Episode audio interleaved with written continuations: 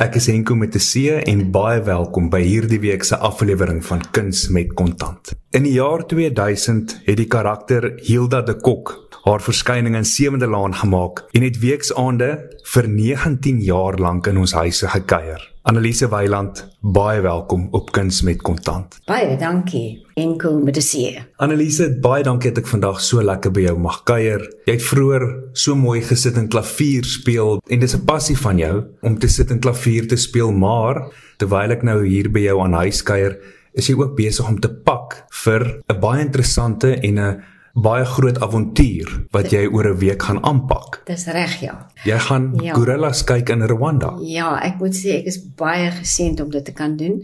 'n Vriendin van my, ons het hier om die tafel gesit, was so 'n partytjie en toe sê sy O, sy sê sy gaan in einde Augustus gaan sy Rwanda toe om gorillas te gaan kyk. Toe sê ek nee, jy kan absoluut nie sonder my gaan nie. Ek gaan definitief saam.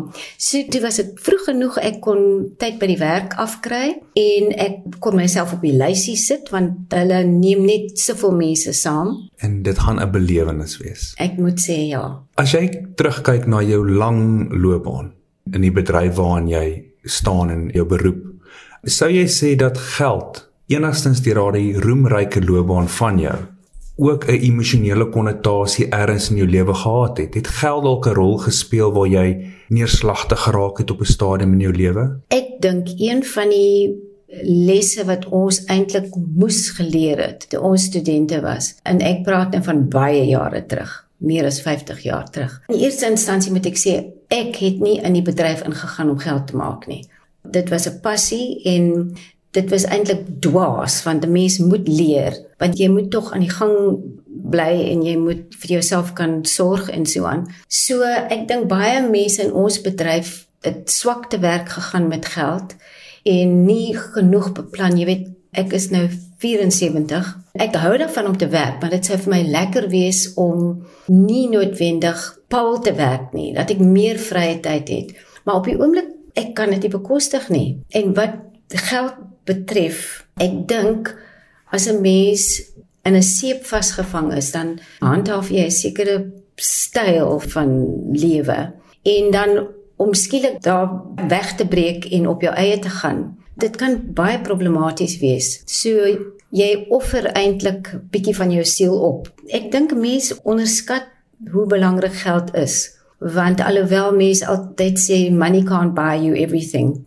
My oom het altyd gesê but it's useful when you go shopping. So maar hy was ryk, so hy kon dit gesê het. Ek dink as jy nie geld het nie, dan is dit baie kommerwekkend, jy weet. En geld is dalk 'n middel ook eerder wat 'n mens kan gebruik om vir jouself ervarings in die lewe te koop. Absoluut. Want die lewe gaan tog oor mooi herinneringe en mooi ervarings opdoen. Absoluut. Ek meen byvoorbeeld, ek sou nie Rwanda toe kon gegaan het want dit is dis nog 'n duur storie as ek nou nie gewerk het nie en geld gehad het nie. So natuurlik. Jy sit op die oomblik hier oorkant my met 'n pragtige rooskleurige baadjie aan en dit lyk so mooi daarin, maar jy het al op 'n vroeër geleentheid genoem dat 'n rolprent soos La Vie en Rose een van jou gunsteling rolprente is. Ja. En La Vie en Rose het daarmee te doen om die lewe te sien deur rooskleurige lense Ja. of dinge te sien direk vertaal in pink. Dink jy daar is 'n manier om altyd die lewe te aanskou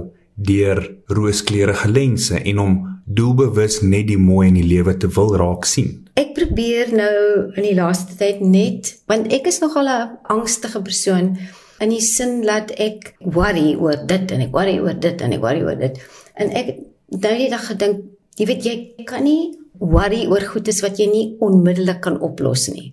Dit is 'n probleem, maar op 'n kol sal daar 'n oplossing kom. Ek het fantastiese ouers gehad en my pa was 'n baie optimistiese man. Hy was Duits, my pa. Nou maar, ek noem nou net 'n simpel voorbeeld, maar maar daar was 'n helse geraas buite en en jy dink dis the revolution is coming. Dan sê my pa gesê, "Ag, don't worry, it's just a little bit of thunder."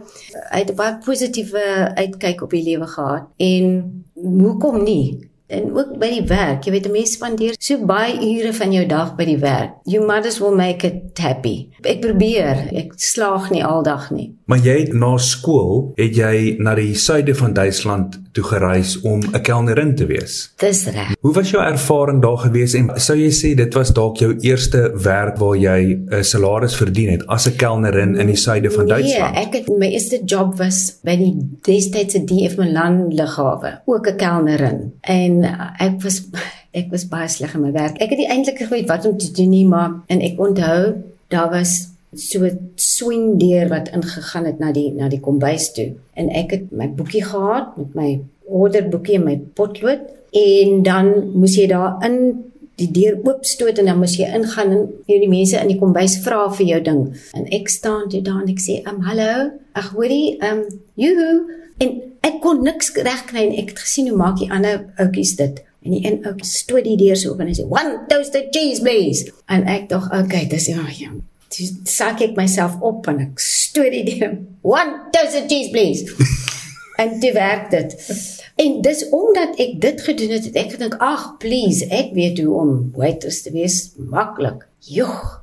Ek het dink vir die eerste 3 weke gehuil. Dit was sulke harde werk want daai mense is opgelei en jy gebruik nie 'n skinkbord nie, jy dra dit goed op jou arms. Maar ek het baie geleer in daai tyd. Dit was 'n ongelooflike leerskool. Annelise, ek wil met jou gesels oor wat ek treffend gevind het van die karakter Hilda wat jy vir 19 jaar vertolk het. Ja, sy het al haar interessante konkoksies gehad en altyd haar kleurvolle serpies, maar wat ek van haar gehou het is dat in haar kop was sy fantasties in hoe sy lyk en wat sy doen. Sy was ja. selfversekerd en dit is ook hoekom ek dink dit belangrik is vir mense om lief te wees vir hulle self, want Hilda was ja. lief vir haarself gewees. Jy's reg. Ek dink ek dink jy weet sy was onbewus van die die feit dat haar kleursmaak was aaklig. Ek meen haar haar kombinasie van goedjies was verskriklik, maar vir haar was dit mooi.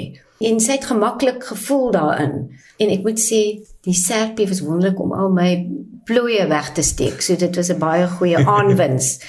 maar ek dink dit is waar. Ek dink sy mens behoort dit te doen. Jy weet as jy reg voel dan gaan ander mense jou so aanvaar. En daai selfvertroue wat sy in haarself gehad het, is geld iets waarmee jy jouself deur jou loopbaan vertrou het en wat jy gekoester het en self na gekyk het of het jy van tyd tot tyd iemand gevra om net vir jou 'n oogie te gooi en jou te adviseer? Ek het ongelukkig te laat daarmee begin. Ek moet regtig waar sê, as dit nie vir die seep era in my lewe was nie, dan sou ek nie 'n huis kon gehad het nie. Ek sou nie 'n mooi kar kon bestuur het nie. So ek is baie bewus en baie dankbaar daarvoor. En ek is goed met geld in die sin dat ek koop nie iets wat ek nie kan bekostig nie. So in daai sin ek skuld niemand niks nie en in daai sin is dit goed. Maar ek het nou nie vreeslik spaar goedjies nie in seker 3 3 jaar terug het ek toe nou iemand genader. So ek het daar 'n ou ietsie. Jy weet maar Vandag is alles ek kan nie glo hoe duur alles is nie. Kos. Is so nie. Ek weet hoe lewe arme mense nie. Ja. Dis verskriklik. Dis hartverskeurende. Ja, dis terrible. Kan jy dink aan 'n tyd in jou lewe wat jy dalk al self wou flou word as jy 'n rekening ontvang het of daar 'n geldelike krisis oor jou pad gekom het? Kan jy dalk dink aan 'n voorbeeld wat jy self wou flou val? Ek kan beslis. En ek hoop die mense neem notisie hiervan want wat met my gebeur het, mis my ma, hy het nie 'n mediese fonds gehad nie en sy het baie siek geword en toe sê die dokter wat eintlik 'n vriend van my was, hy het kom kyk na my ma. My ma en pa was destyds saam met my in Johannesburg. Toe die dokter ontdek daar's bloed in my ma se urine en hy sy was regtig teen daai tyd baie swak ambulans het haar geneem na Sandton Clinic toe. Ek het agterna gery en ek het toe klop vorms ingevul want sy sou ingaan vir toetse. Daai aand kom ek en my pa daaraan en my ma het gesê haar woorde was I am in kidney failure. Nou ek het gedink logies het gedink okay dit is nou nie goed nie maar ek het gedink okay hulle kan nou iets daaraan doen wat ek al En die volgende oggend het ek gaan blomme koop vir haar en ek was op die punt om hospitaal toe te gaan te bel die hospitaal te sê hulle ek moet onmiddellik bloed skenk. Sy het aneurisme gehad en alle bloed verloor en ek moet onmiddellik toe kom ek daaraan eh, by die bloedbank te sê hulle nee nee ek weeg nie genoeg nie. Toe sê hulle wel dit maak nie saak nie lê en ek was toe fyn en ons jaag toe met die bloed en hulle het toe nou geopereer behoort 'n mens eintlik dood te gaan as jy as jy so aneurisme het. Toe is my ma, o, oh, dit was so skrikkelik. Sy was vir 'n maand, was sy op al die masjiene en sy het nooit weer gepraat nie. Dis die die laaste woorde wat sy gesê het is daai aand toe ons daar was, het sy gesê drive carefully. Dis die laaste. Toe sê vir 'n maand en elke dag het hulle boodskappe te stuur you owe another 250,000 rand, you know, another thing is in hulle het my verantwoordelik geneem omdat ek vir haar ingeteken het. Sy het nie 'n mediese fonds gehad nie. Na 'n maand is my ma toe oorlede en ek het gesê ek kan dit nie betaal nie, ek het dit nie. Teen daai tyd was dit ek het hier vir 300 en daai ons praat nou van 1996. Ja, dit was, was baie geld in daai jare. Ja, dit was 3 400 000 rand En uh, toe sê ek wel ek het dit nie toe neem hulle my hof toe. Toe sê ek wel al wat ek het is 'n klavier as jy dit wil hê. Toe sê hulle nie dankie, hulle soek nie dit nie. Toe moes ek vir 'n hele paar jaar soete van 'n token ek dink dit was net om die saak nog lewendig te hou so R20 of weet, weet nie wat nie. Elke maand in rekeninge betaal en toe hulle sien ek is in sewende laan, toe kom hulle terug na my toe. Dis die prokureurs. Maar dit ons geskik teen ek weet nie dit was paar 30 40 of 50000 rand ek kan nie meer onthou nie.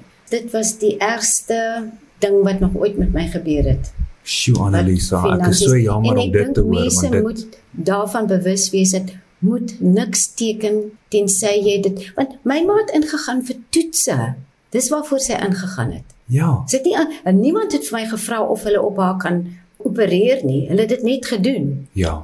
Dit was 'n onaangename ding En wat 'n treffende storie, maar so waardevolle les vir ja. enige iemand soos jy nou gesê het ja. om te luister en net bewus te wees ja. daarvan.